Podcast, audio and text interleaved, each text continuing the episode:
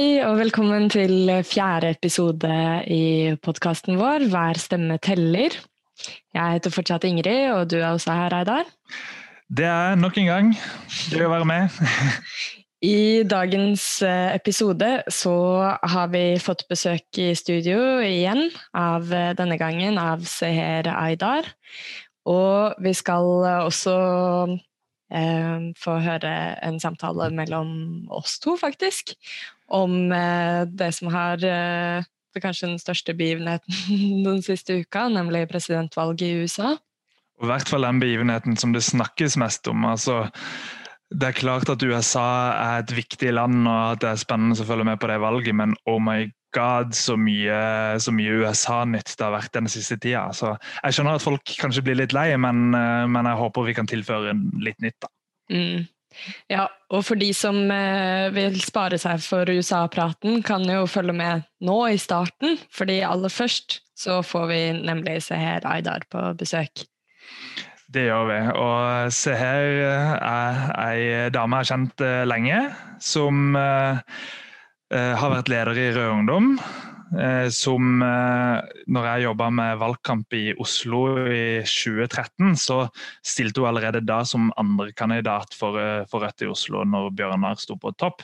Den gangen gikk det ikke så bra, men fire år seinere så eh, gikk det langt bedre. Da kom, hun, da kom Bjørnar inn på Stortinget, og, og Seher ble første vara. Så hun er jo faktisk en av de som har møtt eh, på Stortinget, i tillegg til Bjørnar Moxnes. Den eneste som har møtt.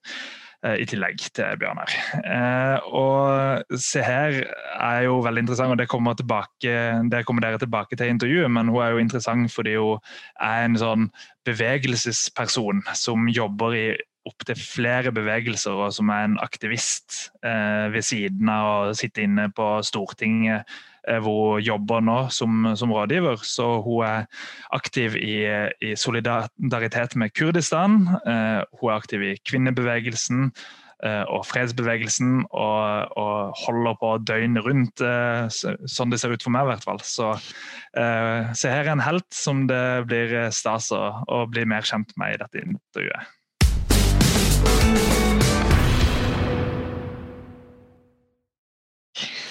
Hei, Seher. Velkommen til eh, podkasten vår 'Hver stemme teller'.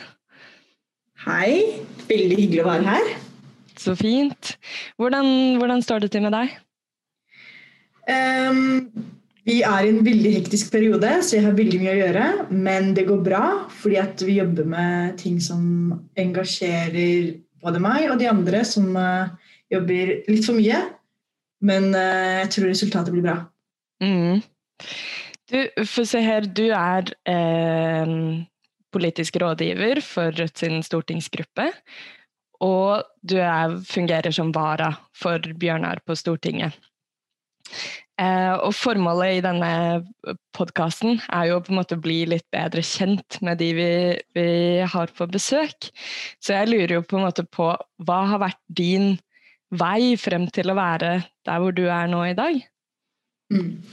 Jeg ble først med i Rød Ungdom i 2006. Så det er jo en stund siden. Eh, og da var det veldig mange saker som eh, eh, først og fremst handlet om fritidstilbud til ungdom og fritidsklubben og kulturhuset og kinoen og sånne ting. Og så var vi veldig opptatt av internasjonal solidaritet, og da spesielt Palestina og krigen mot Afghanistan. Så det var på en måte det vi jobba mest med da jeg var uh, typ tenåring uh, i Fredrikstad. Mm. Uh, og så ble jeg jo bare mer og mer interessert i flere saker jo mer jeg var med i Rød Ungdom, og ble kjent med også flere bevegelser og organisasjoner gjennom Rød Ungdom, og ble veldig opptatt av bl.a. feminisme og antirasisme.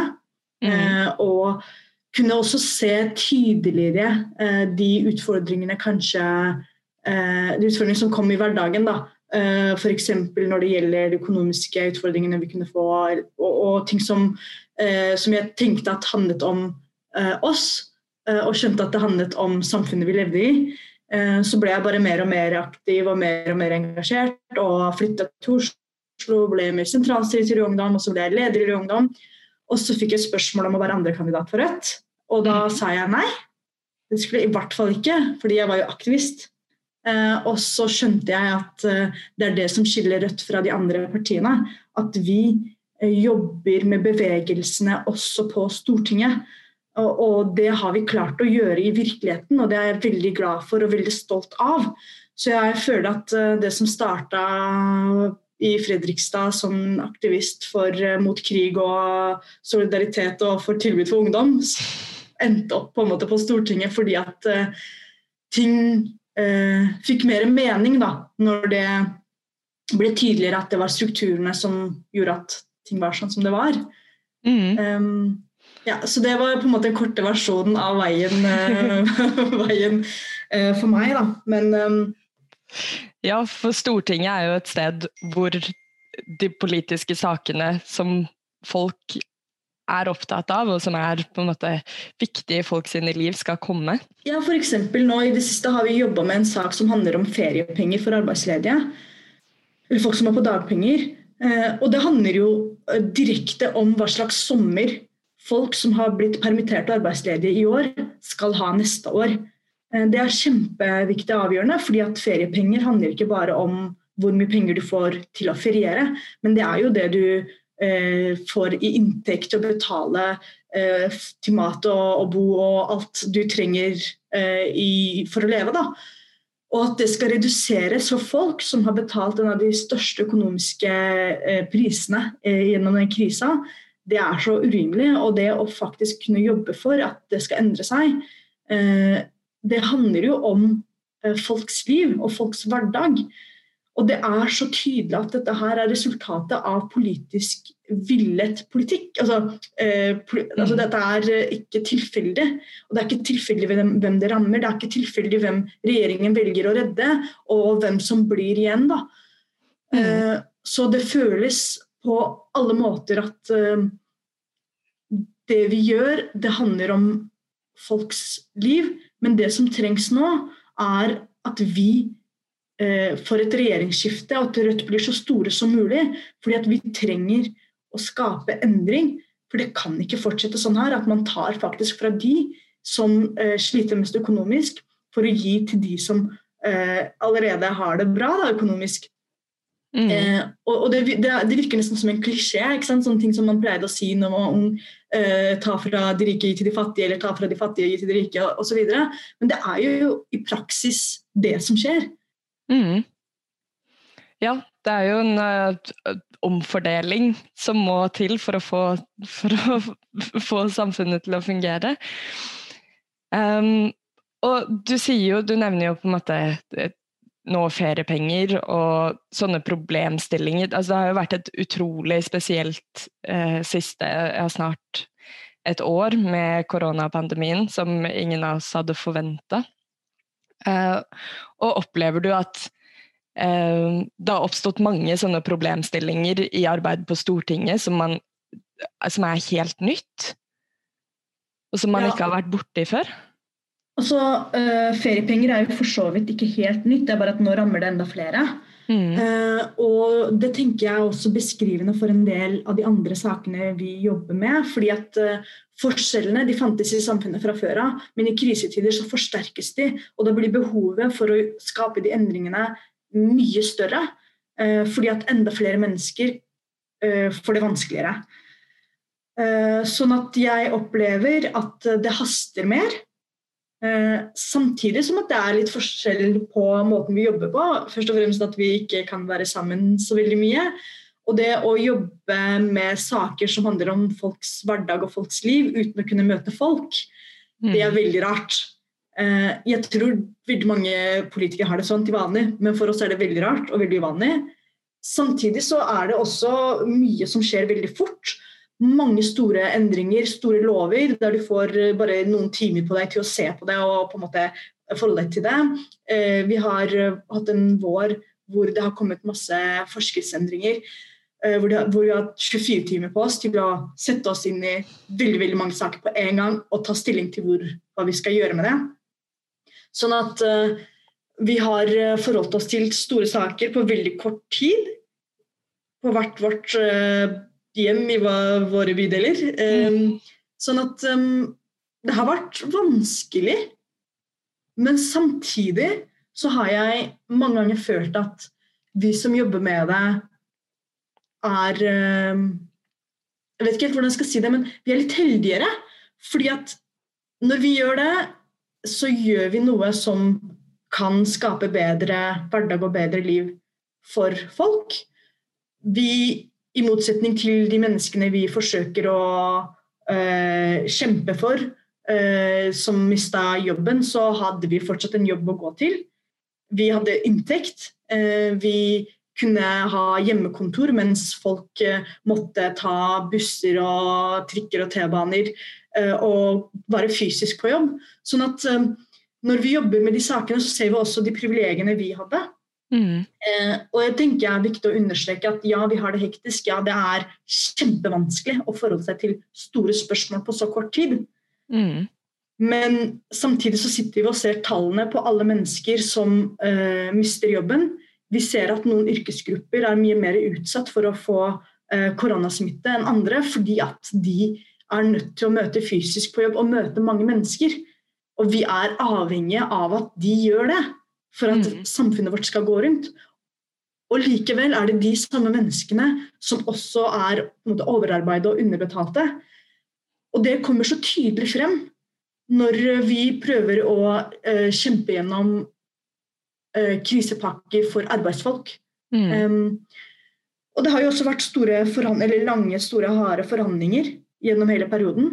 Og første krisepakka var det jo Stortinget som eh, klarte å Eh, forhandle frem, der vi eh, endra regjeringens utgangspunkt eh, slik at det ble en krisepakke for arbeidsfolk.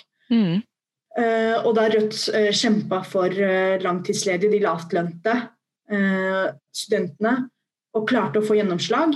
Men etter det så var det regjeringen og Frp som satte premissene. Og da kunne jo vi se at de som ble redda, det var etter hvert ikke bare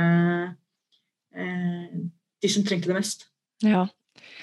ja, jeg tror det er utrolig viktig det du er inne på nå. For i Rødt så har vi jo noen grunnprinsipper som, være, som er ledende for all vår politikk.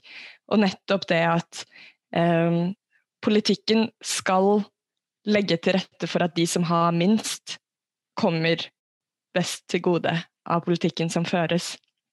Um, og som du sier, så kommer jo det ekstra tydelig frem, de forskjellene som fins nå eh, i krisetider. Men der kommer jo også et av våre måte, hovedsaker og grunnprinsipper eh, overfor hvordan, hvordan, politikk skal føres, nettopp profittfri velferd, frem. Og jeg vet at det også er en av de hovedsakene du jobber mye med. Men kanskje se her at du kan prøve å forklare oss eh, ganske enkelt, hva er det vi egentlig mener med profittfri velferd? Ja, jeg er veldig enig med deg, Ingrid, at uh, krise understreker behovet for å styrke velferden. Og profittfri velferd er egentlig en del av det arbeidet uh, om å styrke velferden.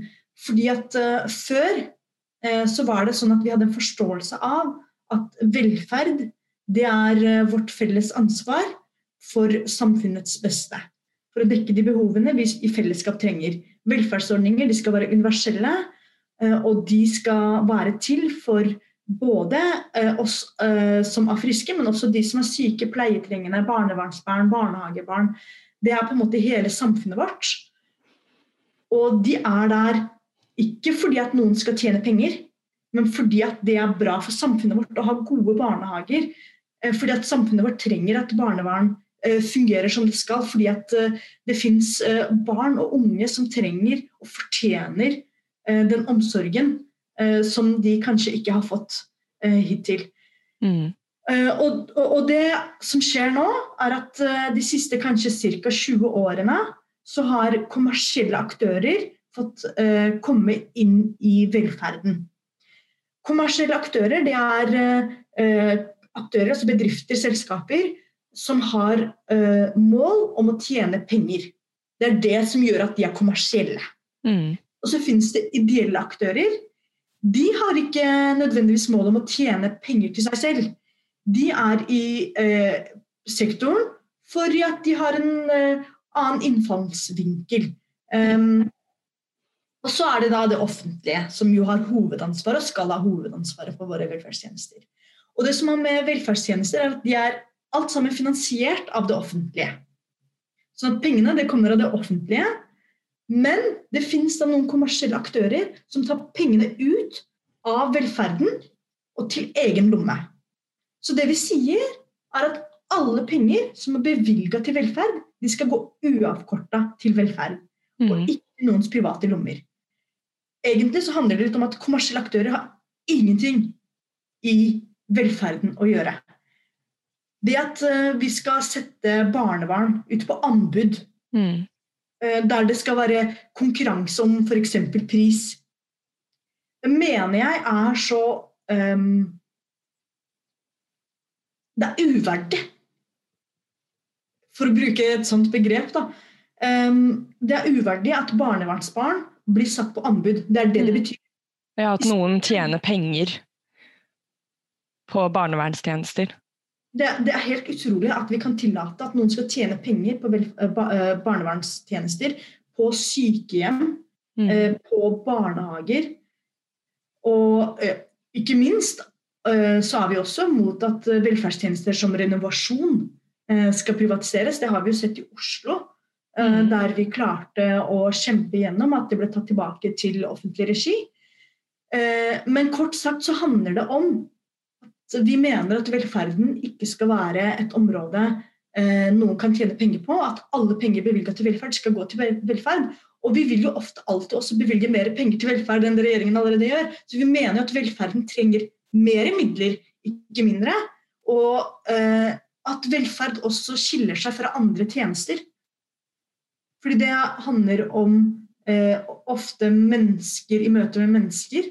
Mm. Det er ikke en vare du produserer. Eh, Sånn at eh, eh, i kampen mot profitt i velferden handler om å styrke velferden vår.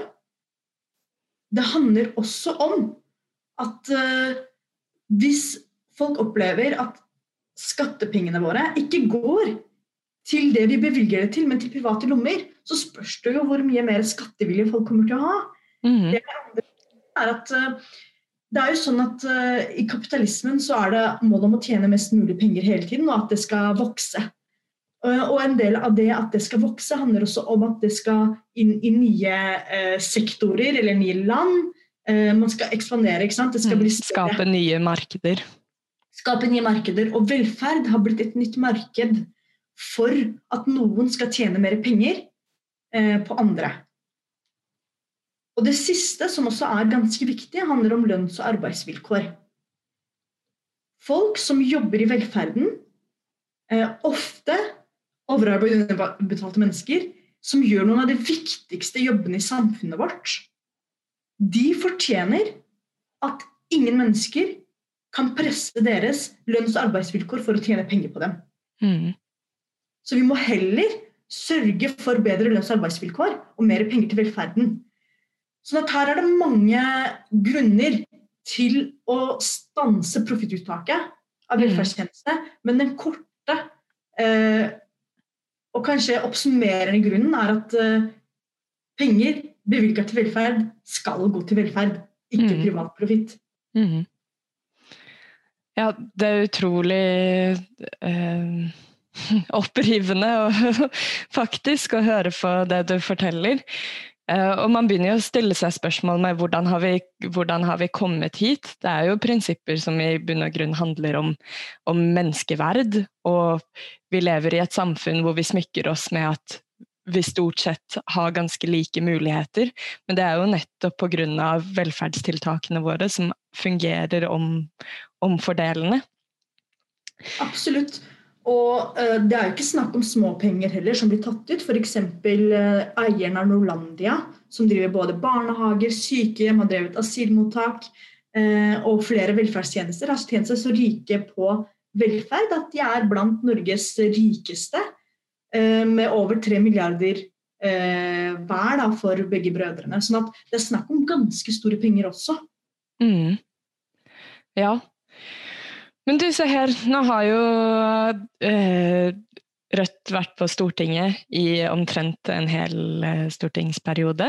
Det er jo et lite, et lite år igjen fremdeles. Men dette er jo noe som vi og du og Bjørnar Moxnes og hele partiet, vår grasrot, eh, eh, våre grasrotmedlemmer, lokallag, har snakka utrolig mye om profittfri velferd, ikke sant. Men føler du at i løpet av de årene på Stortinget at eh, det at vi har brukt så mye energi på å snakke om disse tingene, har det forandra noe? Ja, det vil jeg si. Eh, vi har først og fremst fått eh, gjennomslag i flere kommuner mm. for å stense ulike former for profitt i velferden. F.eks. så har man klart å ta tilbake renhold i Tromsø, klart å ta tilbake flere sykehjemsplasser i Oslo, stanse flere kommersielle barnehager i både Oslo, men også flere andre byer. Sånn at vi har klart å få gjennomslag i mange kommuner. Samtidig så har vi klart å dra hele den eh, politiske samtalen eh, i en retning som er mer i tråd med folkeflertallets mening. Fordi mm. folkeflertallet mener at det ikke skal være mulig å tjene penger på velferd. Sånn at eh, vi har klart å både sørge for at debatten har blitt større, mm. og dra de andre nærmere oss. Og jeg tror at det at vi har jobba så mye med dette her, uten å gi oss, mm. gir oss muligheter til å få enda større gjennomslag ved et regjeringsskifte neste år. Og Den muligheten er vi nødt til å gripe. Og For at det skal være mulig, så må Rødt være store, så store som mulig. For det er Rødt som kjemper gjennom disse sakene. Vi får støtte fra de andre partiene når det trengs, men det er vi som setter på en måte det på agendaen, og det er de, vi som kjemper det gjennom. Eh, så jeg tenker at hvis vi skal få enda mer gjennomslag, så trenger vi eh, at Rødt blir enda større. Fordi vi har klart å sette dagsorden på dette spørsmålet eh, mm. flere ganger med én representant på Stortinget. Ja, og det virker jo som at det er i høyresidens interesse å ikke snakke så mye om disse spørsmålene. Men det vi kanskje har klart, er å tvinge frem at man må forholde seg til, til de spørsmålene gang på gang på gang. Ja, og det har vi jo klart også fordi at eh, vi samarbeider med bevegelsen utenfor Stortinget. Mm. Eh, fagbevegelsen har vært helt avgjørende. De har uh, vist hva det betyr for de ansatte at profitt tas ut. Eh, også interesseorganisasjoner som for velferdsstaten eller Manifest eller andre har jobba veldig tydelig med å løfte debatten. Eh, men ikke minst f.eks. Landsforbundet for barnevernsbarn, barnevernsbarn eh, eller ideelle, de som driver ideelle barnehager, de som driver ideelle barnevern Eh, osv. De har også vært veldig tydelige i denne kampen. sånn at det har vært et stor eh, engasjement utenfor Stortinget som har bidratt til at vi kan eh, gjøre dette. Og da har ikke høyresiden noe annet valg enn å forholde seg til det. Men de prøver å sammensveise kommersielle og ideelle aktører. De prøver å få debatten til å handle om helt andre ting hver eneste gang. Men de blir nok nødt til å forholde seg til det mer og mer. Mm. Ja, og som du sier, for å kunne fortsette den kampen, så er det helt eh, fundamentalt at Rødt fortsetter å vokse. Og det gjør vi jo. Vi vokser, og vi blir større. Det er helt fantastisk. Ja, det er utrolig kult.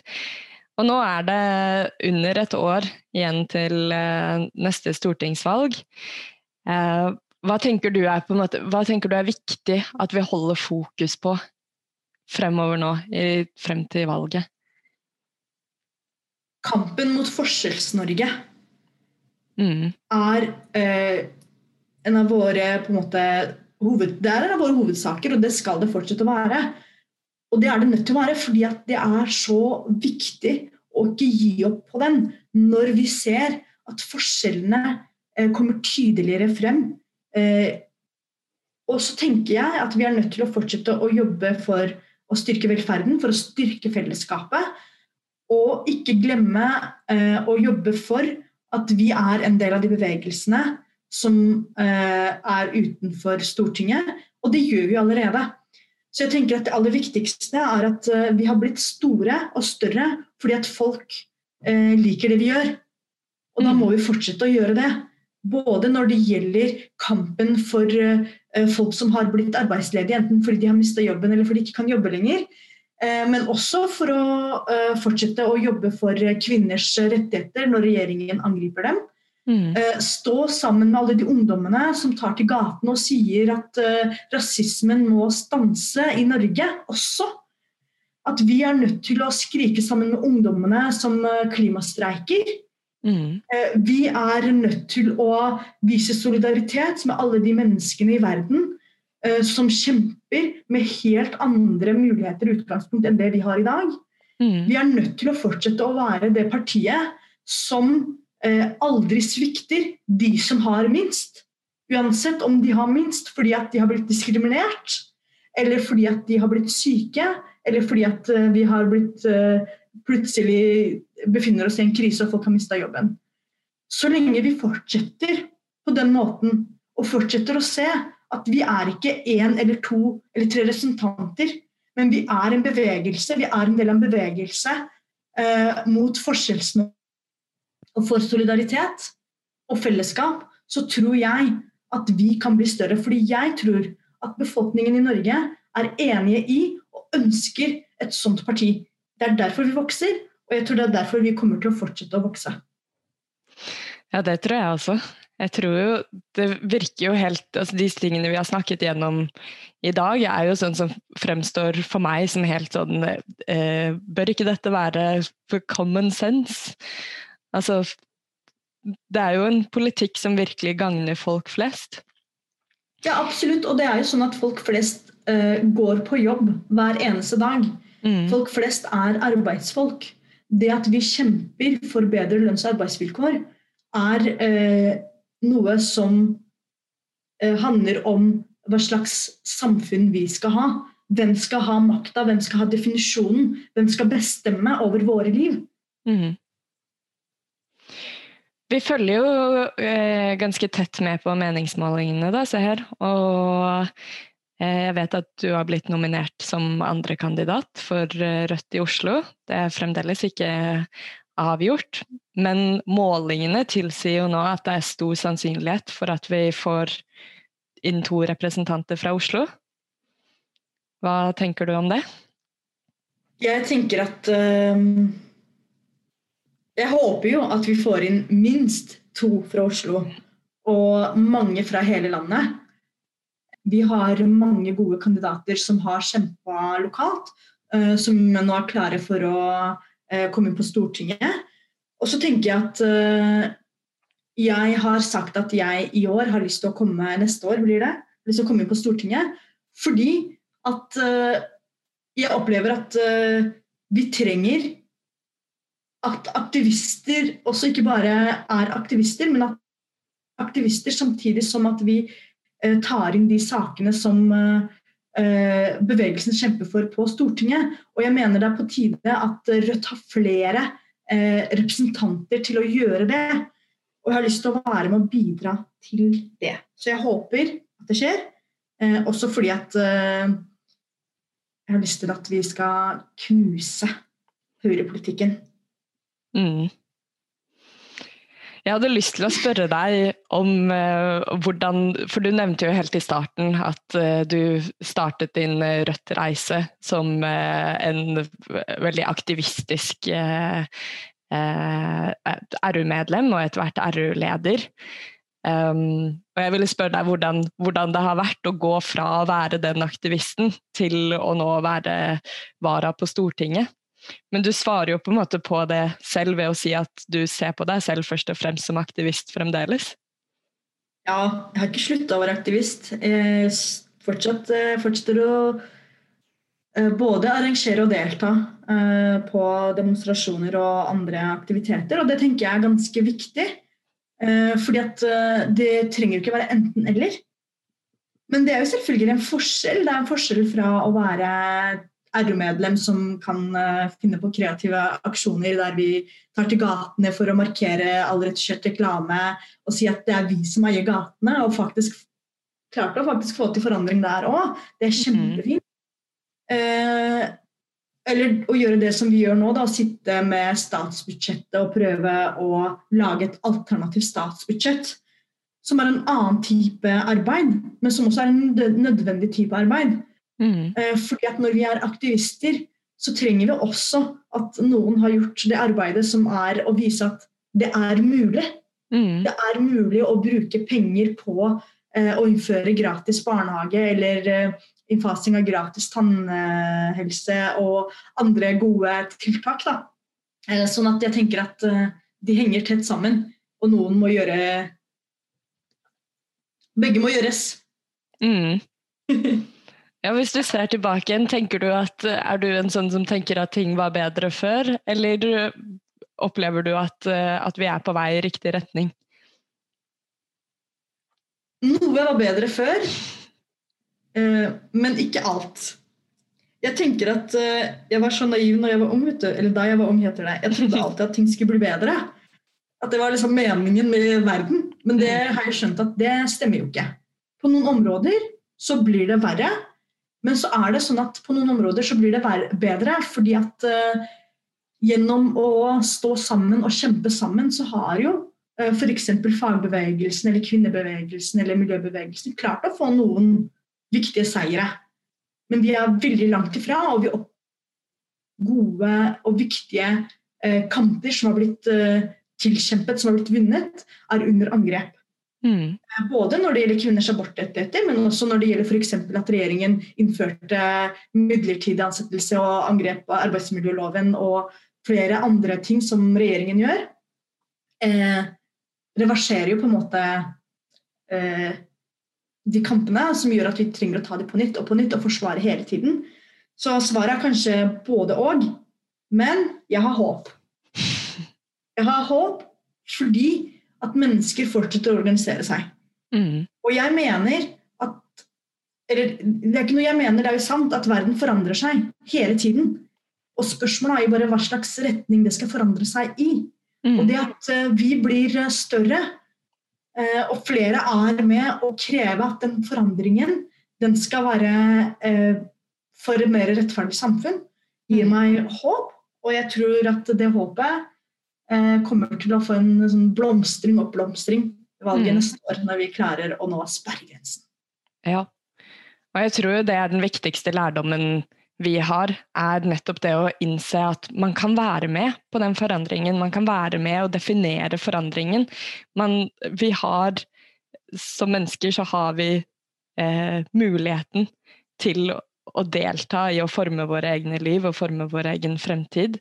Og at noen ganger kan det oppleves som at ting foregår over hodene våre, men gjennom å organisere oss, så er vi sterkere.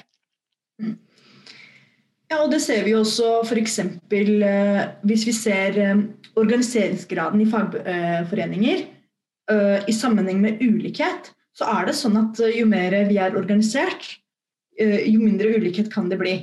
Eh, så det henger veldig tett sammen om hva slags samfunn vi skal få, om hva vi velger å gjøre. Ja. Jeg tenker så her, nå skal vi begynne å avrunde eh, ganske straks. Men helt på tampen så hadde jeg lyst til å spørre deg om noe. Fordi et viktig tema i eh, Rødts politikk og Rødt som bevegelse er internasjonal solidaritet. Og nå lever vi jo i en kjemperar tid hvor verden er eh, lukket ned. Grenser fremstår mye tydeligere enn det de har gjort på lenge.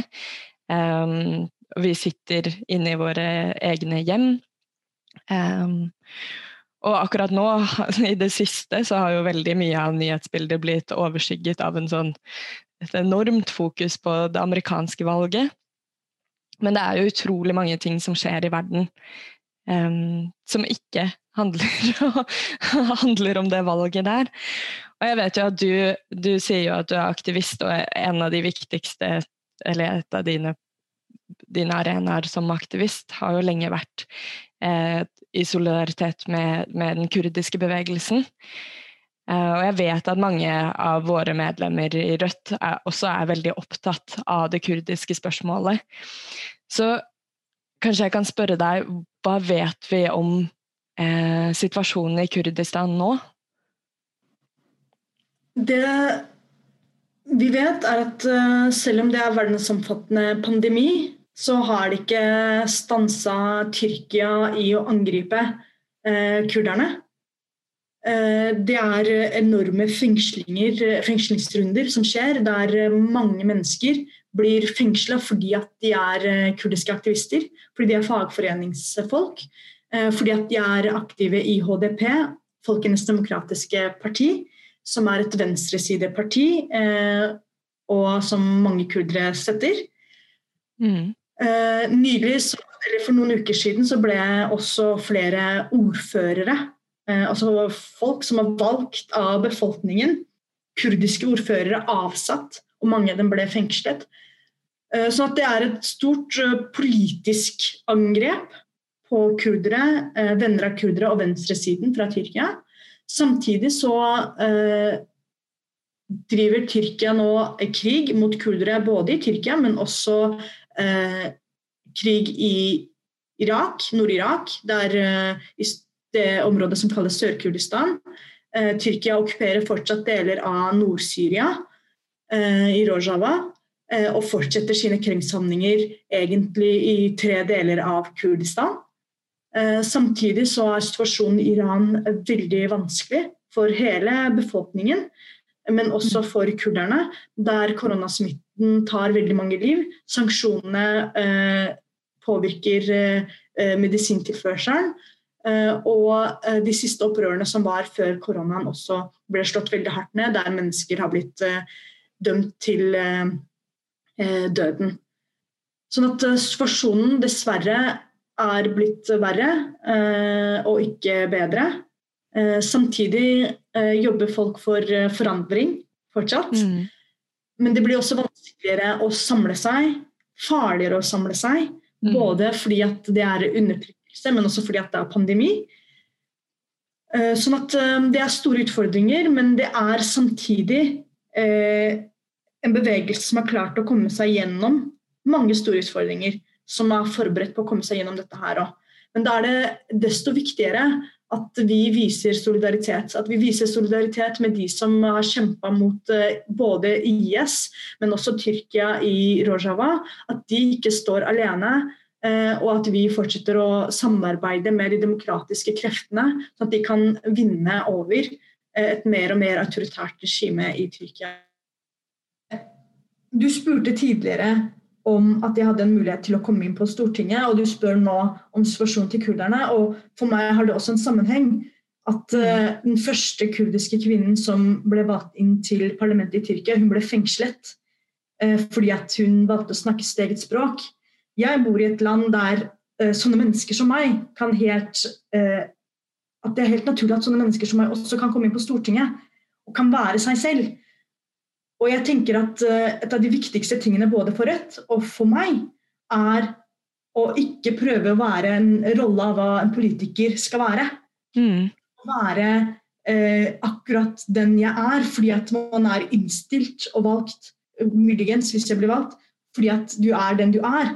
Og det tenker jeg er noe av det viktigste, at vi ikke prøver å tilpasse oss innen roller som blir satt av systemer som tilpasses eh, ofte høytdannede, hvite eh, menn.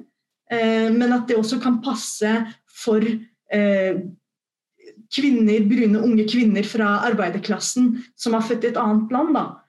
Eh, og det tenker jeg også viser og understreker eh, både hva Rødt kan bidra med, men også hva eh, et sterkt demokrati eh, kan bety for forandring. Ikke fordi at demokrati alene handler om hvem som blir valgt på Stortinget, for demokrati handler også om eh, økonomien, det handler om arbeidslivet. Det handler om alle de områdene mennesker trenger å ta avgjørelser om. Og det tenker jeg er Et av Rødts viktigste oppgaver det er å utvide demokratiet, sånn at flest mulig kan bestemme over eget liv. Og da handler det ikke bare om eh, at vi selv skal komme inn, men det handler om at flere skal få den makta, at vi skal fordele den makta. Og det tenker jeg er en av de viktigste oppgavene vi har. Og det er derfor eh, vi kan ha et hjerte både i Kurdistan og på Holmlia og eh, i Nord-Norge og eh, i Latin-Amerika. At det er på en måte en sammenheng eh, mellom at folk skal få lov til å velge og bestemme sin framtid. Mm. Ja, absolutt. Se her. Det er jo nettopp det som kanskje er kjernen i hele vårt politiske prosjekt. Det at fellesskap gir også mer frihet. Mm. Det syns jeg er veldig fint sagt. Mm. Ok, Seher, nå tror jeg vi skal begynne å runde av, men jeg må si tusen takk for at du tok deg tid til å bli med og snakke med oss i, i Hver stemme teller. Tusen takk for at jeg fikk komme. Det var veldig hyggelig. Det var eh, intervjuet med Seher Aydar, og nå får vi bare krysse alle fingre for at vi får inn minst to stortingsrepresentanter fra Oslo til neste valg. Oh, det hadde vært gøy å fått, uh, fått Seher inn fast. Altså, jeg har sett henne på Stortingets talerstol, og hun har gjort en knalljobb der. og er et uh, nytt ansikt som vi trenger, trenger, mer av i norsk politikk, tenker jeg. Så da mm får vi bare gønne på å jobbe det vi kan i, i, Oslo for å få flest mulig stemmer. Hver stemme teller for å få se her inn på Stortinget, dere. Mm. Men du Reidar, i går kveld så spilte jo vi inn en, en, en um, samtale, eller et slags intervju med, med deg. Ja. Om, om presidentvalget i USA. Og nå, Det skal vi få høre nå snart, men jeg tenkte bare å høre med deg raskt. For det var jo i går kveld, og nå er det en dag etterpå. Og ting forandrer seg jo fort, og ny informasjon kommer hele tiden. Så er det noe som ser annerledes ut i dag fra det vi snart skal få høre at situasjonen var i går? Eh, vi hadde nok en idé i går om at det gikk i den retninga det, det, fortsatt går i. Og det er at det ser ut til at det er Joe Biden som, som skal vinne. Eh, det er flere delstater nå, både Pennsylvania og Georgia, hvor, eh, hvor det beveger seg mot at, eh, at, Joe Biden vinner disse delstatene. Så akkurat nå ser det ut til at det antall valgmenn som er, som er det man på en måte kjemper om i valget, så, så får Biden en ganske overlegen seier. Men, men, den seieren er ikke så overlegen hvis du ser på de delstatene. Så F.eks. i Georgia så ser du jo virkelig at hver stemme teller. Eh, så, så, eh, sånn det ser ut nå, altså, så, så bikker dette mot, eh, mot Joe Biden-seier. Så eh, vet vi jo at USA er et sirkus, og at det har blitt enda mer sirkus med Donald Trump, som eh, ut ifra det han sier nå, så er han ikke spesielt villig til å overgi seg. Så, så det blir jo spennende å følge med på hva som skjer der. men sånn valgresultatet ser ut nå, så skal dette i hvert fall bli, bli en grei eh, Joe Biden-seier de som er interessert i å dypdykke enda lenger ned i dette sirkuset, burde følge med videre i denne sendingen. Yes, så eh, da er det egentlig bare å snurre film, og så eh, ses vi neste uke, Ingrid. Det gjør vi. Det blir bra. Ha det godt. Hallo, da er vi live. Vi kan først si tusen takk til eh, Rødt Trondheim sentrum for å ta initiativ til det møtet her. Um, som jo skal handle om valget i USA. Og det har vært valg, og det er det vi skal snakke om, Reidar.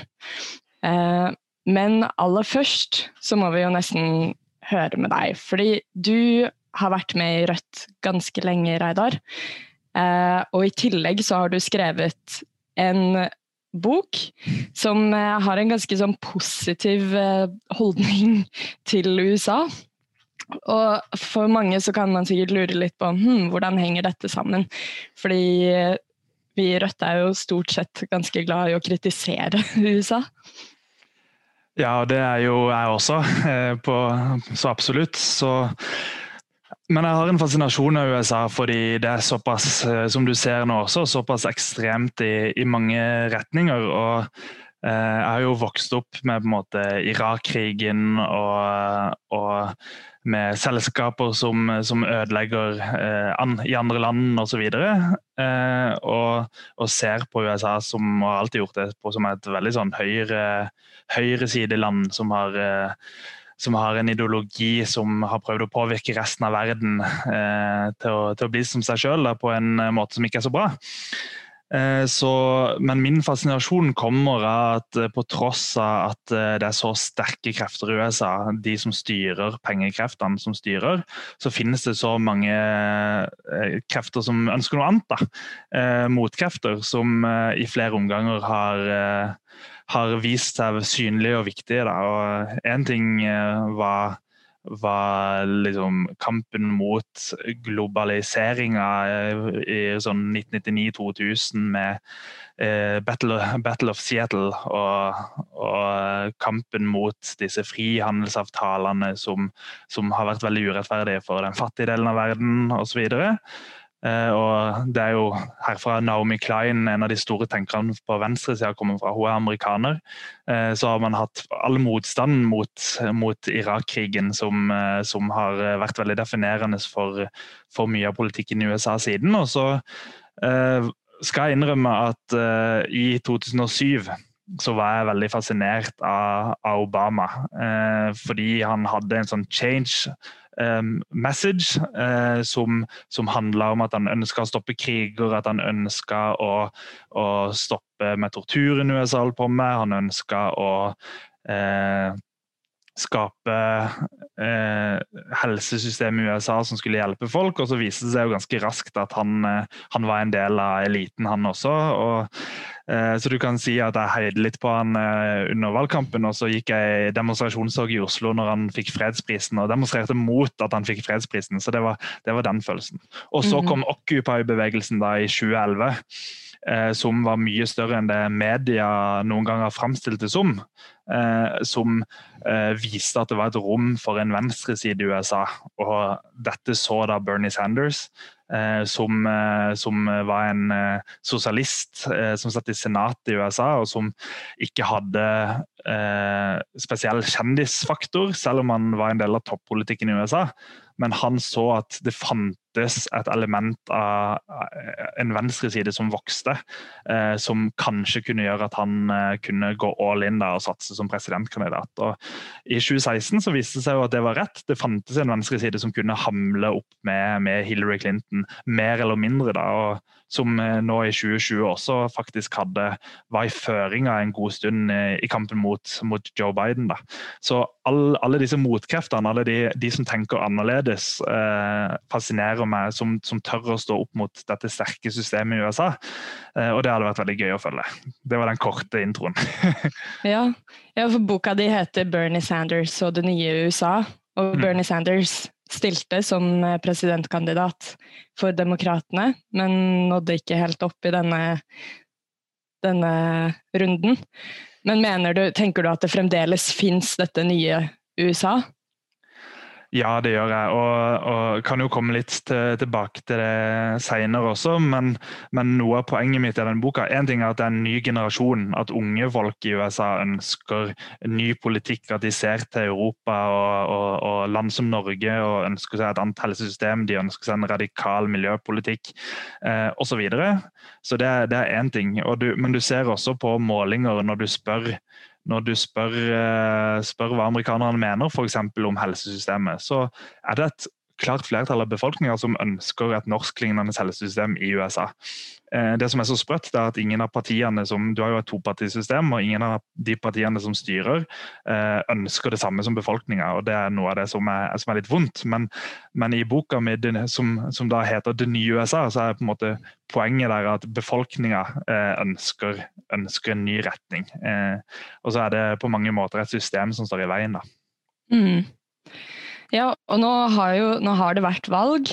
Eh, og vi, vi vet fremdeles ikke resultatet. Og for oss her i Norge Én ting er jo det veldig fokuset på det amerikanske valget. Det føles jo ut som at man åpner en Man kan åpne en hvilken som helst eh, nettavis, og det er bare side opp og side ned med informasjon som det er veldig vanskelig å, å orientere seg i, syns jeg i hvert fall. Mm. Eh, men det er jo utrolig spennende, og det ser nå ut til at eh, Joe Biden holder på å vinne. Men det skal du fortelle litt mer om. Jeg tenkte bare først å si til eh, de som hører på der ute, at det er mulig å komme med spørsmål underveis i kommentarfeltet på Facebook. Og så skal vi prøve å svare på de underveis også. Men det jeg lurer på, Reidar, er hvorfor du tror det har blitt så jevnt som det vi ser det ligger an til nå? Ja, det er jo fortsatt et, eh, et, drama, spesielt fordi vi har hørt at eh, i noen, noen delstater nå så har, har Trump faktisk knappa litt innpå. Eh, Bl.a. i Arizona. Og, nei, det, er, en, det er en lang historie med, med mange poenger for hvorfor, eh, hvorfor, det har blitt såpass jevnt. Eh, og, og, først så må jeg jo bare si det at eh, Donald Trump er ikke populær i USA. Det er ingen målinger hvor man spør hva folk syns om eh, Donald Trump, som viser at han er populær. Det er mange flere som misliker han enn som liker han. Eh, så det er det ingen tvil om. Eh, samtidig så, så så har ikke demokratene klart å, å, få noe utbytte av det. Og Det er jo det som er litt spesielt nå, at, at på tross av denne upopulariteten så En ting var i 2016, fordi da hadde du Hillary Clinton som eh, på de samme typene målinger gjorde det like dårlig. Men denne gangen så hadde du en Joe Biden som, som faktisk eh, var sånn passe populær, eh, bl.a. pga. tida som visepresident under Barack Obama. Eh, og en av grunnene til det er såpass eh, enkel som at uh, Joe Biden var en fryktelig dårlig kandidat. Uh, som, som faktisk sliter så mye nå med, med Eh, med å være kandidat, at de har drevet og gjemt han bort. Så de har hatt et mål om å ha han på færrest mulig arrangementer, minst mulig på TV. Eh, så vinnerstrategien deres det er at folk som skulle stemme på, på, Joe Biden, de skulle ikke stemme på han basert på noe de har sett på TV nå. De skulle stemme på han basert på sånn de husker han var når han var visepresidenten til Obama. Mm. Uh, ja, han har vært veldig usynlig. Og ja. i det siste, altså de siste ukene før valget så opplevde jeg at Obama nesten var mer synlig rundt Joe Biden enn Joe Biden selv. Og Det er jo helt spesielt, og det er jo derfor han aldri burde vært eh, demokratenes eh, kandidat. Men det som eh, rett og slett skjedde i primærvalget, for å gjøre eh, historien kort, det var at Bernie Sanders gjorde det såpass bra, og han var en såpass eh, radikal kandidat og en så tydelig utfordrer til, til det demokratiske partiet, at, eh, at når han var i føringa og så ut som han var på vei til å vinne, så måtte demokratene finne på noe. Og de hadde jo veldig mange kandidater som de prøvde å løfte opp og fram, bl.a. Camilla Harris, da, som, som nå er visepresidentkandidat. Men ingen av de lyktes. Eh, så til slutt så eh, samla sentrum av demokratene seg stort sett alle liksom, toppolitikere der samla seg rundt Biden og sa det er én person som kan slå Donald Trump, det er Joe Biden. Det er han dere må stemme på. Så når det skjedde, så snudde egentlig hele dynamikken i, i demokratenes eh, primærvalgkamp som gjorde at Joe Biden vant. Så det var egentlig ingen som mente at han var en spesielt mm. god kandidat. Veldig mange mente at en av disse unge burde opp og fram. Men uh, ingen av de klarte å slå Bernie Sanders, uh, så da endte det med, med Joe Biden. Uh, ja, For da snakker du om de mer konservative delene av Det demokratiske partiet, ikke sant? Som, ønsket, som ikke ønsket Bernie. Ja, og eh, greia er jo at de som styrer i Demokratene, de som har makt i Demokratene, de tilhører eh, sentrum av partiet og, og til høyre i partiet. Mm. Eh, mens mange på grasrota i partiet, og du ser det på målinger hvor du spør folk som definerer seg som demokrater i, i USA, hva mener dere i de ulike spørsmålene, så er de stort sett på linje med Bernie Sanders. Men det er ikke de som styrer partiet.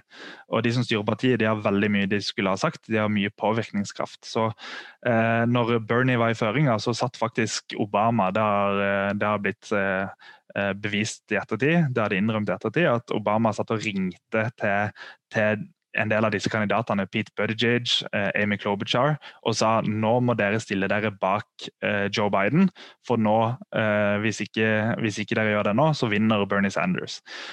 så det gjorde at, at da Joe Biden gikk ifra og ble demokratenes kandidat. Hmm. Så hmm. Joe Biden oppleves egentlig for alle litt som et surt kompromiss? Det er jo ingen som sier det nå, eh, men, eh, men hvis du f.eks. ser på eh, hvor pengene gikk i, i valgkampen, så fikk Joe Biden veldig lite penger gjennom innsamling fra, fra både, både, fra små donorer, fra vanlige folk, men også fra selskaper. De store pengene de gikk i større grad til Pete Buttigieg, f.eks., som fikk veldig mye. Uh, og, og, en del av de andre, Camilla Harris gjorde det også ganske bra i sånn type innsamling en god stund.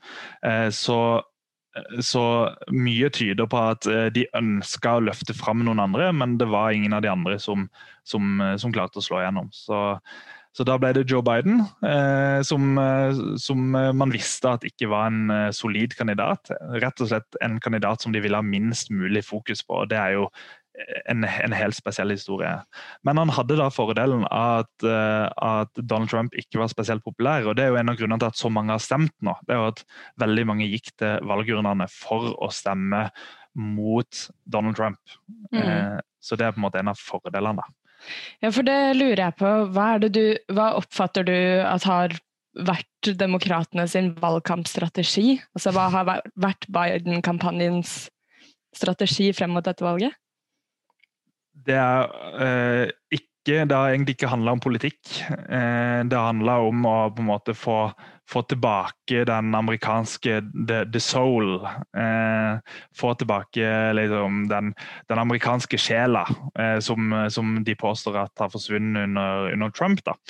Eh, så det har mer handla om det at nå må folk oppføre seg. Nå, nå, må vi få en president som kan oppføre seg.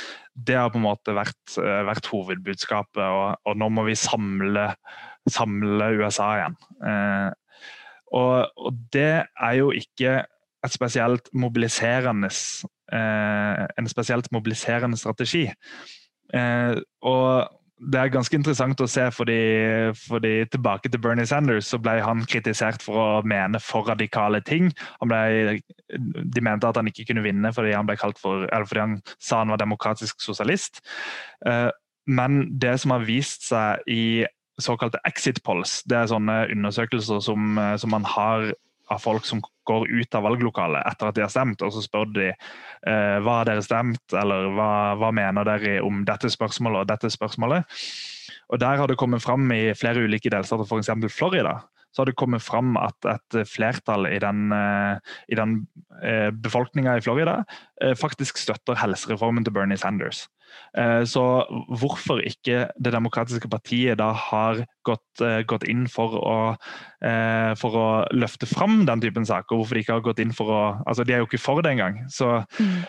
Men, men hadde de vært tydeligere på politikk, hatt noen tydeligere mål, så kunne de mobilisert flere til å drive valgkamp, flere som hadde lyst til å, til å jobbe aktivt for Joe Biden og for også sånne senatkandidater og, og kandidater til Representantenes hus så, så kunne du fått en høyere mobilisering eh, for Biden, da, og ikke bare mot Donald Trump.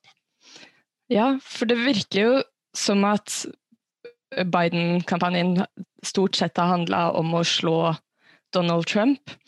Men så har jo det siste året, særlig, som har vært valgkampår i USA, vist at landet er i en alvorlig politisk krise, en økonomisk krise, en helsekrise, som alle er temaer som Bernie-kampanjen klarte å adressere, men som nå eh, ja, virker som er veldig tydelige, åpne spørsmål som ligger der, men som ikke blir som ikke har blitt viet noe oppmerksomhet gjennom, gjennom valgkampinnspurten, i hvert fall.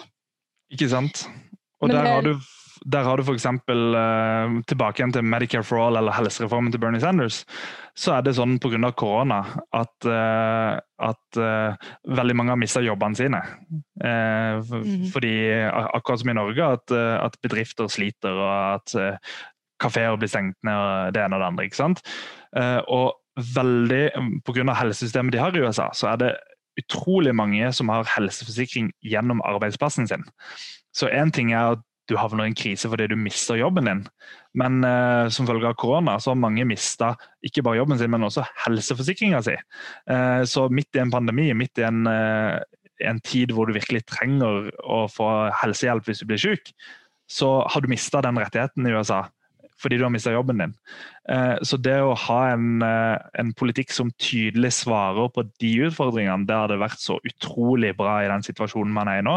I stedet for så har man hatt noen som sier sånn Vi skal fikse litt på Obamacare. Som fortsatt er liksom problemet vi har i dag, da. Mm. Ja, for litt tilbake igjen til um, det nye USA som du skriver om i boka di. Som i veldig stor grad har handla om eh, en ung generasjon som har gått gjennom en politisk bevisstgjørende prosess, hvor man ser at, at de politiske strukturene som, som, landet i stor grad er bygd på, holder på å kollapse eller ikke fungerer lenger, og fungerer veldig skjevfordelende. Og ikke, altså ikke evner å adressere kjempeviktige temaer som ligger til grunn, sånn som Black Lives Matter-bevegelsen har satt fingeren på gang på gang nå.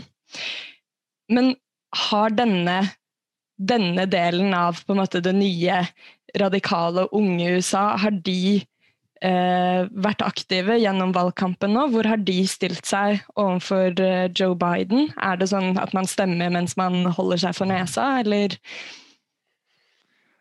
Ja, jeg tror jo mange har, eh, har, holdt seg for nesa når de har stemt. Det er det nok ingen tvil om. Men jeg så eh, Jeg har ikke helt tallene foran meg, men jeg så at, at tallet på hvor mange unge som har stemt, var veldig høyt i år. Eh, så, så, man kan i hvert fall ikke eh, Jeg husker I 2016 så var det en del eldre velgere som klagde på ja, det er de unge sin skyld at ikke Hillary Clinton vant, fordi de gikk ikke og stemte. Eh, på tross av at de unge hadde høyere stemmetall enn, enn det de hadde hatt tidligere. Det er jo sånn I alle land tror jeg at uh, det er vanskelig å få unge folk til å stemme. At de, de stemmer mindre enn det, det eldre gjør. Eh, men, men, tallene nå skal se ganske bra ut. da. Og så eh, fra folk som jobba i Bernie-kampanjen, så var det mange av de som så at eh, ja, vi er ikke spesielt fan av, av, Joe Biden, og vi ønska at Bernie Sanders skulle vinne, men, men eh, det er såpass mye som er skummelt med, med Donald Trump eh, og med bevegelsen rundt han, som jo er, har veldig fas, fascistoide trekk. Eh, så, så, gjelder det rett og slett å, å få Joe Biden til å vinne. Eh, holde oss for nesa. Eh, og mange av de har bidratt i kampanjen også, har eh, overført en del sånn valgkampstrategier fra Bernie sin kampanje og over til, til Joe Biden sin kampanje. Så jeg, jeg, forstår det. Jeg hadde slitt med å gjøre det sjøl. Jeg hadde kanskje lagt ned kreftene et annet sted, det skal jeg innrømme. For det er jo mange valg å, å jobbe med. Men, men, jeg forstår de som, de som ser på det som viktig å, å prioritere kampen for å bli kvitt Donald Trump. da. Mm. Det virker jo i hvert fall som, som du sier, at mobiliseringen for å stemme, og det å faktisk gå ut og bruke stemmen sin, har fungert veldig godt i dette valget. Og det er jo sikkert også en veldig opplevelse av at man står ved et, et veldig definerende skille for veien videre. Uh, men det har jo også Vi lever i en pandemi, og det virker jo som mm. at uh, selve stemmeavgivningen også har bydd på noen utfordringer. Det er vel sånn at uh, en stor andel av stemmene har blitt avgitt per post. Mm. Og det har nok vist seg som en suksess sånn uh, i demokratisammenheng, for uh, valgdeltakelsen har gått opp. Og hva skal jeg si? Opplevelsen til mange unge i USA, og for så vidt i alle aldre, det er at uh, lønna de får er så dårlig at de gjerne må ha mer enn én jobb. Uh, og Da er det veldig vanskelig å finne tid. Kanskje hvis du har familie du skal forsørge i tillegg, så er det vanskelig å finne tid til å stemme. da. Så det å få muligheten til å stemme per post, som veldig mange steder ikke var mulig før, uh, før ved årets valg, det har gjort at sannsynligvis veldig mange flere har fått delta.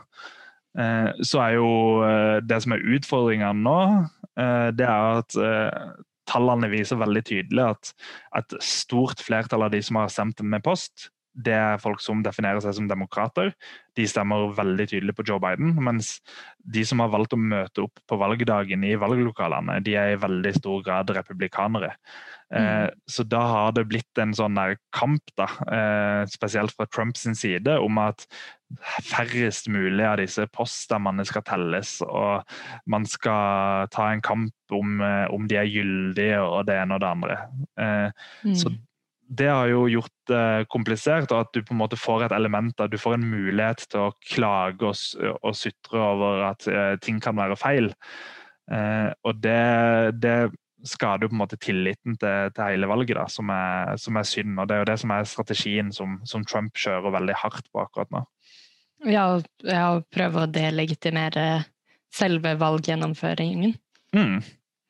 Og Det er jo veldig spesielt når det er han sjøl som sitter med, med kontrollen, da, og så er det mm. han som, eh, som, klager over eh, at eh, det som foregår er feil og juks. Så, så det er jo en helt spesiell situasjon. Mm. Men nå sitter vi her to dager etter valgdagen, og vi har fremdeles ikke noe, noe klart svar, men det er jo noen altså det, det, er tydelig at det er noen steder som er viktigere enn andre her nå. Og mange stater er jo ferdig opptelt, men særlig i dag har vi jo hørt veldig mye om Nevada. Hva er, det, hva er dette fokuset på Nevada akkurat nå? Nei, er det ikke der det er kasinoer og, og man kan gjøre mye gøy? Nei, altså uh, Nevada har jo endt opp med å bli en av de, en av de mest interessante vippestatene. Vippe eh, og vippestater i amerikansk kontekst det er disse delstatene som, eh, som eh, fra år til år kan, kan, ende opp med å skifte fra republikanerne til demokratene og omvendt. At, at både demokratene og republikanerne ligger på sånn nesten 50 støtte. Eh, og ved forrige valg så var det jo spesielt disse rustbeltedelstatene. Michigan, eh, Wisconsin, Ohio, eh, West Virginia, Pennsylvania, som, som over, jo, hvor Trump gjorde det overraskende bra. Denne gangen så, har, så, ser det ut til at Biden tar en del av de delstatene. Men, mens det fortsatt er spennende i noen andre delstater. Da, og Nevada spesielt og Arizona, som er to delstater hvor det er ganske spennende nå, er to delstater med veldig høy latinamerikansk befolkning. Eh, og det som tallene viser foreløpig, det er at eh, latinamerikanerne stemmer mindre på Joe Biden enn de stemte på Hillary Clinton for, for fire år siden. Så hvorfor, det, det, må man jo bruke litt tid på å finne ut, da. Men men eh, Joe Biden har eh, i sin strategi så har han på mange måter tatt minoritetsbefolkning i USA litt for gitt. Og så har han satsa hardt på, på rustbeltedelstatene. Mm. Eh, som, eh, som, kan eh, ende opp med å vippe dette i favør av, av, Donald Trump. Og tilbake til, til Bernie Sanders igjen, som jeg, som jeg, liker å komme inn på, så var et sentralt element i hans valgkamp i år, det var faktisk å satse spesielt hardt inn mot eh, latinamerikanere, som er en voksende gruppe i USA, og som også tilhører eh, i, i liksom klassehierarkiet, så, så, er de en del av arbeiderklassen i veldig stor grad. Så det er folk man, eh, man ønsker å, å, møte, og man må gjøre det på litt Man må ha en annen strategi for å nå eh, latinamerikanske miljøer i USA enn, enn en del andre miljøer. Eh, så Bernie gjorde det sylskarpt blant latinamerikanere og var den suverent mest populære demokraten blant, blant latinamerikanere, som gjorde at han f.eks. i Nevada så vant han med kolossalt. Han vant med sånn 20-25 hvis jeg husker riktig.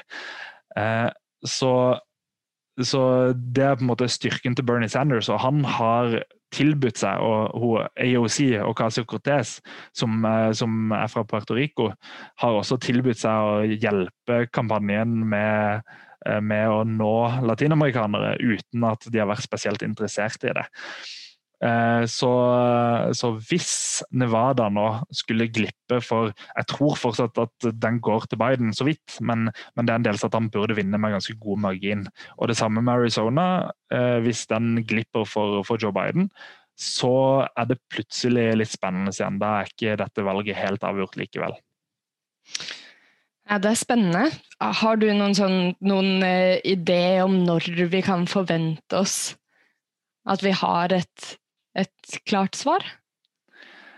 Uh, det, er, faktisk et godt spørsmål, fordi uh, i noen av disse delstatene og det hadde vært en, en kamp om med, med, Trump også, så har man bestemt at alle poststemmer som har fått en stemplingsdato innen valgdagen.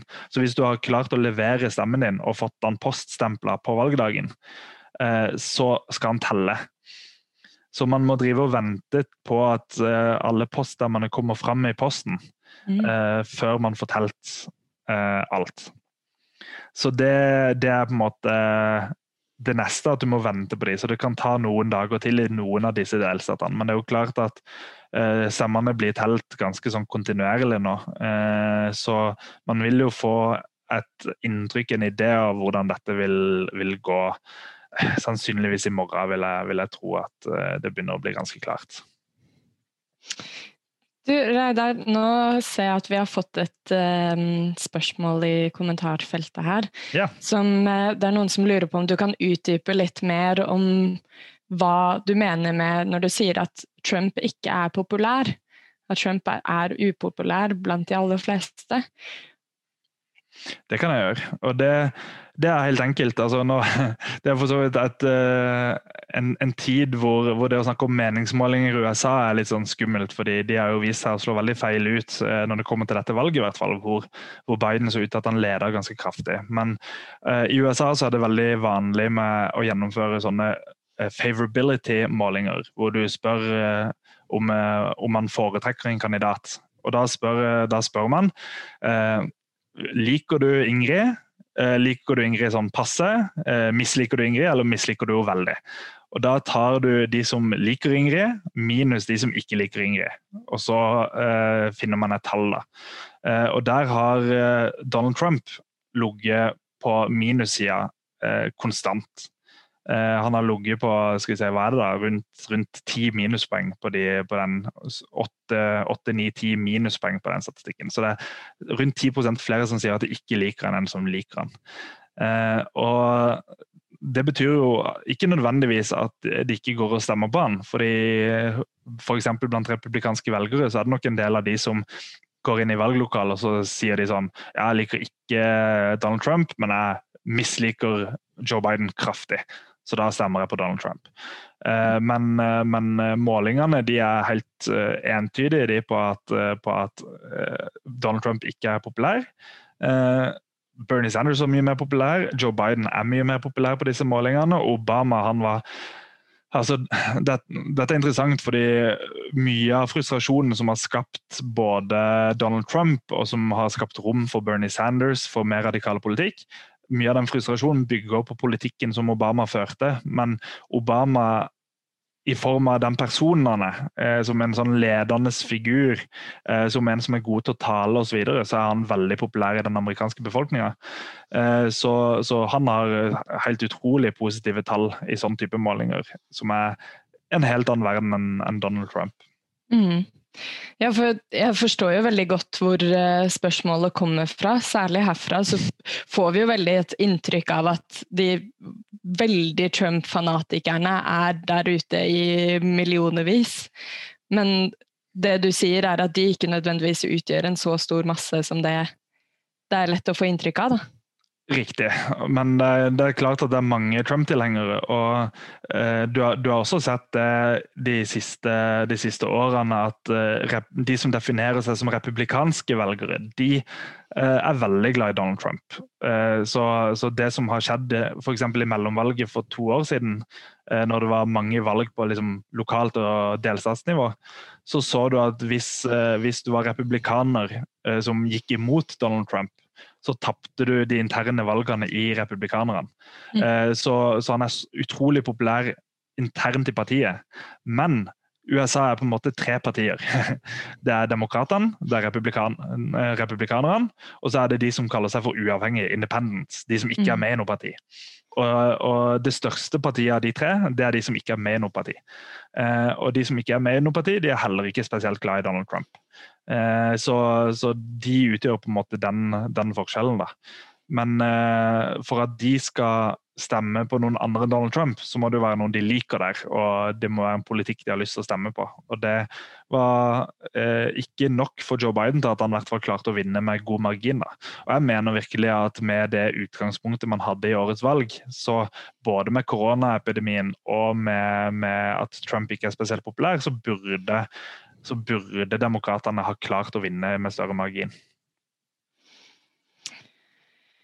Nå er det jo sånn at uh, det ser jo ut til at Biden kommer til å vinne det valget her.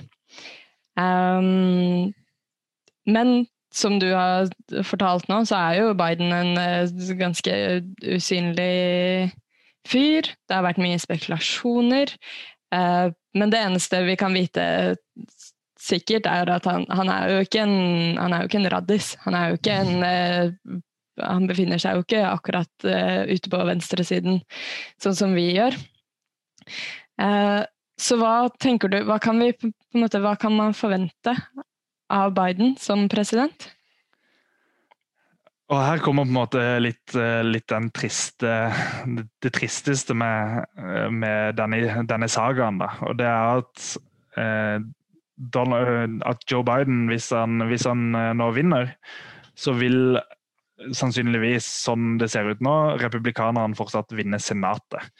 Og hele det amerikanske systemet er bygd opp til at man har veldig liten tillit til, til, staten, sånn at det skal være utrolig vanskelig å få gjennomslag for noe politikk. Så egentlig, hvis du skal lykkes med å få noe gjennomslag for politikk i USA, så må du både ha presidenten, du må ha eh, flertall i Senatet, eh, som velges. Der er det to senatorer fra hver enkelt delstat i USA. Så Det betyr at en liten delstat har like mange senatorer som en stor delstat. Så eh, California med 30, nesten 40 millioner innbyggere har bare to senatorer, mens lille Vermont, som eh, Bernie er fra, da, eh, på liksom 1 million innbyggere, de har også to senatorer.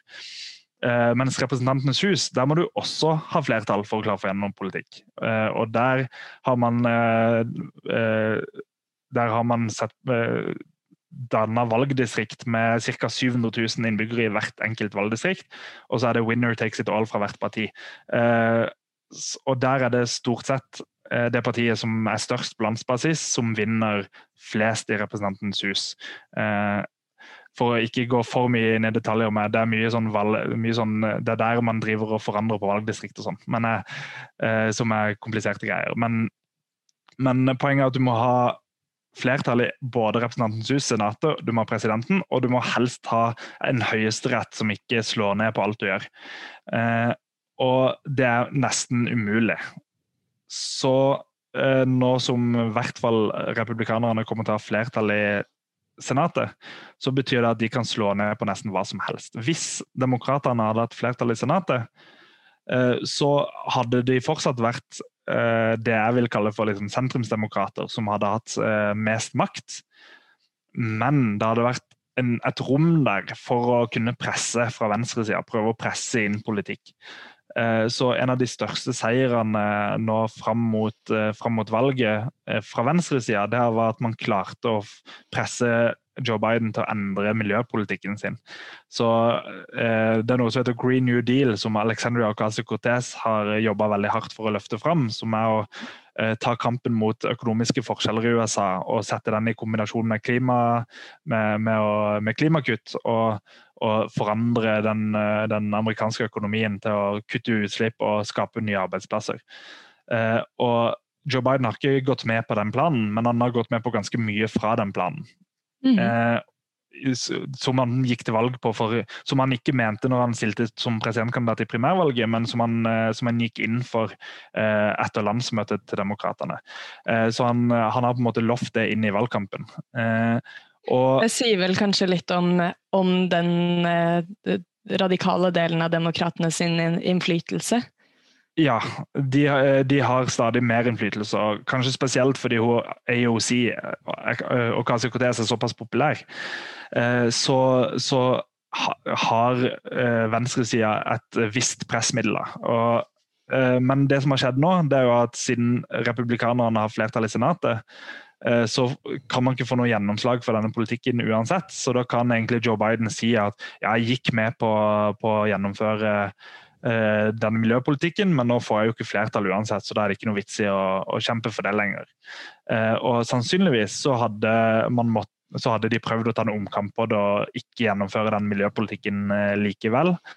Eh, når Joe Biden hadde blitt president med flertall i Senatet. Men Men da hadde man hatt rom for å fortsette å presse og, og jobbe på for å overbevise demokratene. Men nå, nå, kan de på en måte gjemme seg bak at de ikke har flertall.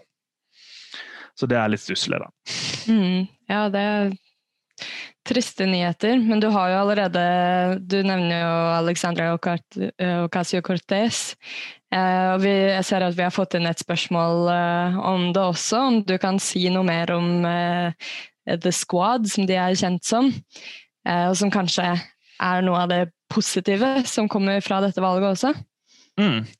Ja, og for å ta det helt fra starten av, da, så, så når Bernie Sanders stilte i 2016 så trodde han ikke sjøl at han egentlig skulle vinne i det hele tatt. Men målet hans var på en måte å så noen, eh, noen frø som kunne blomstre opp, og at man kunne få en venstreside eh, som, med mer tyngde som følge av at han stilte, og at folk ble mer bevisst på hva som finnes av muligheter i, i, i politikken. Mens uh, før Bernie stilte, så, så, var det ingen som snakka om helsereform eh, som garanterer alle de helsetjenestene de trenger, og som snakka om radikal miljøpolitikk, og som snakka om en utenrikspolitikk som ikke handler om å krige rundt omkring i verden.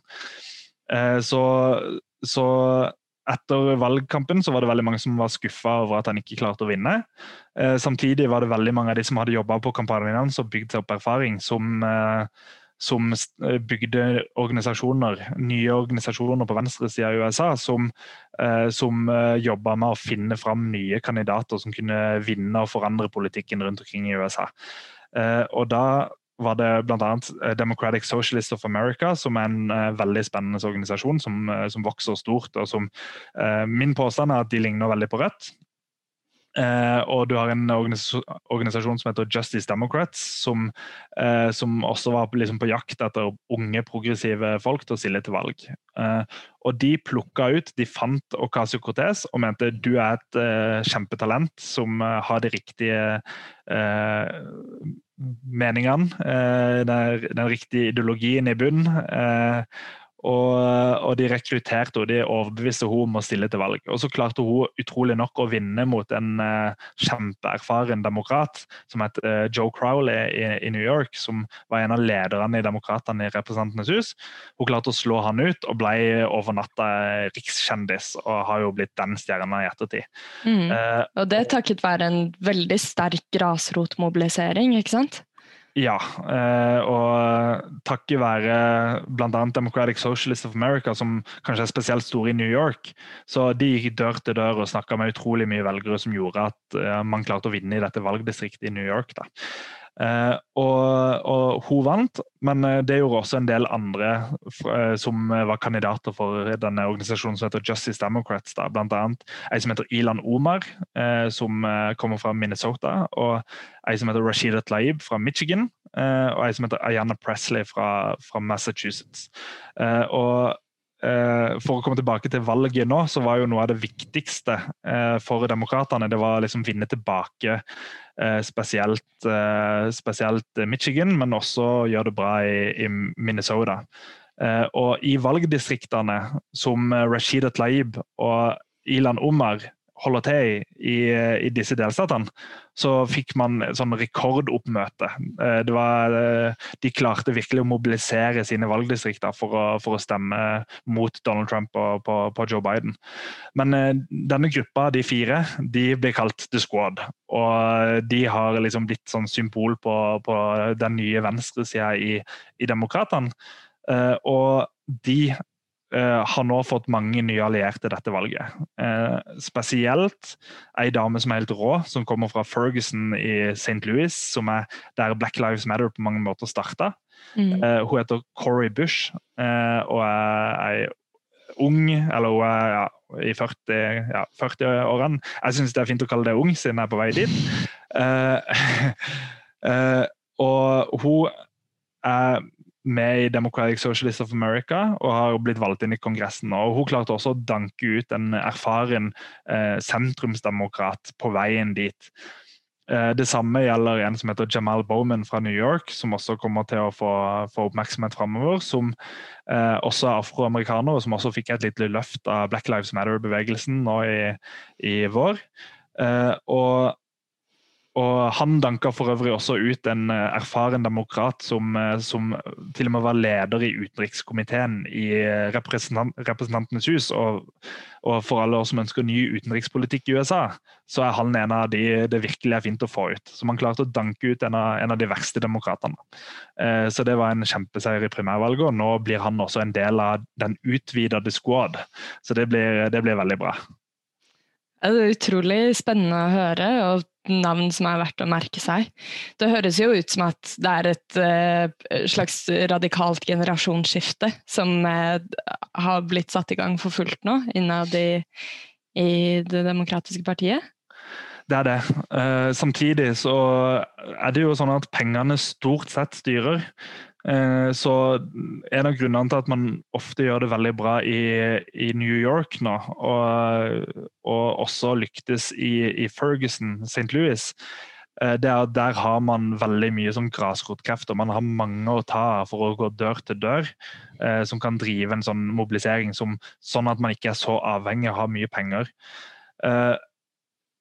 nå i, i, dette valget, så var det for å ta ett eksempel på, på hvor mye penger har, har, å si, så eh, bestemte eliten i Demokratene seg veldig raskt for at uh, ei dame som heter Amy McGrath, som er en høyreorientert demokrat, hun skulle stille til valg i Kentucky. Uh, for å, her er det mye sånn name-dropping av delstater, beklager det. Uh, men, men Amy McGrath hun skulle danke ut lederen til, til republikanerne i Senatet, Mitch McConnell. Han er ikke spesielt populær. Han er faktisk veldig upopulær, så det burde vært mulig å slå han, selv om Kentucky er en veldig republikansk delstat. Og Demokrater har bare kasta penger etter henne. De har kasta 100 millioner dollar etter hennes valgkamp. Altså Det er sånn svimlende summer. Eh, og dette er jo en eh, republikansk delstat, så det var en utfordring å skulle, skulle vinne der, men hun hadde bare endeløs pengesekk eh, for å prøve å vinne der. I Tennessee, som også er en veldig republikansk delstat, der var det ei radikal dame eh, som heter Bradshaw. Skal vi se, Jeg har navnet hennes her. Hun heter eh, Nei, jeg hadde ikke navnet der. Hun heter Bradshaw. Eh, som, er, som ble støtta faktisk fra Democratic Socialists of America som klarte overraskende å vinne primærvalget der. Så hun stilte opp mot republikanerne. Hadde ingen pengestøtte whatsoever, bare fra liksom ytterst venstre. Og mm. hun gjorde det like bra i Tennessee som eh, Amy McGrath gjorde i Kentucky. Eh, så det viser på en måte at pengene de blir bare kasta etter disse sentrums-høyredemokratene, mens, mens eh, folk som er på venstresida i demokratene, de må på en måte stå på egne bein. Og, mm. og, Det gjør at det er veldig vanskelig å vinne andre steder enn i store byer hvor du har sånn grasrotmobilisering. Mm. Så er, Kapittel to i boka mi da, den heter 'Oligarki', og den handler om hvordan, hvordan USA på mange måter er et oligarki. Du har pengene som styrer i begge partier. Eh, og sannsynligvis så får man ikke noe, noen spesielt økt skatt av at Biden blir president heller. og Det handler jo om at uh, de økonomiske interessene i USA de, de har sikra seg sånn at begge partiene på en måte er på disses lag, og mm. ikke på arbeideres lag. Da. og da da er det fryktelig vanskelig for eh, de som prøver å slå tilbake. Men The Squad har vist at man klarer å bygge opp en bevegelse, og de har samtidig fått flertall for veldig mye av politikken som de jobber for. og Det er eh, god grunn til liksom, optimisme eh, når du ser den utviklinga. Mm. Ja, vi har jo sett mye til de for å nettopp vise det hvordan grasrotmobilisering med reell politikk som faktisk adresserer de problemene folk flest står overfor dag til dag, eh, hvordan det fungerer, da. Altså det er mm. Du vil heller ha troen på, på en bedre og likere og eller litt fordelt fremtid enn du vil ha eh, en eh, button, eller en pin her og nå. Absolutt. Og eh, jeg vil anbefale folk å se denne serien på NRK som heter UXA, eh, med Thomas Seltzer. Den, den, beskriver mye av det samme som det jeg har opplevd når jeg har vært og reist rundt i USA. At, at folk opplever ekstrem ulikhet. Og jeg har mange typer eksempler på det. Jeg har vært i noen av disse rustbeltestatene og, kjørt rundt f.eks. i en by som heter Toledo i, Ohio, hvor jeg har kjørt fra rundt i noen av de fattige nabolagene hvor halvparten av husene står tomme og det er mye kriminalitet og fattigdom. Eh, disse tingene henger jo sammen. Det blir kriminalitet når det er mye fattigdom.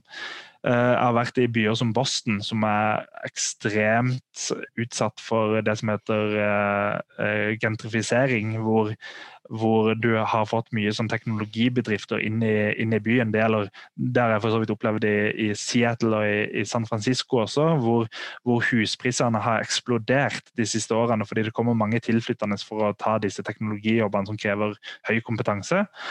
Og da har, har antall husløse eh, vokst eh, noe, noe, voldsomt. Husprisene har blitt så høye at f.eks.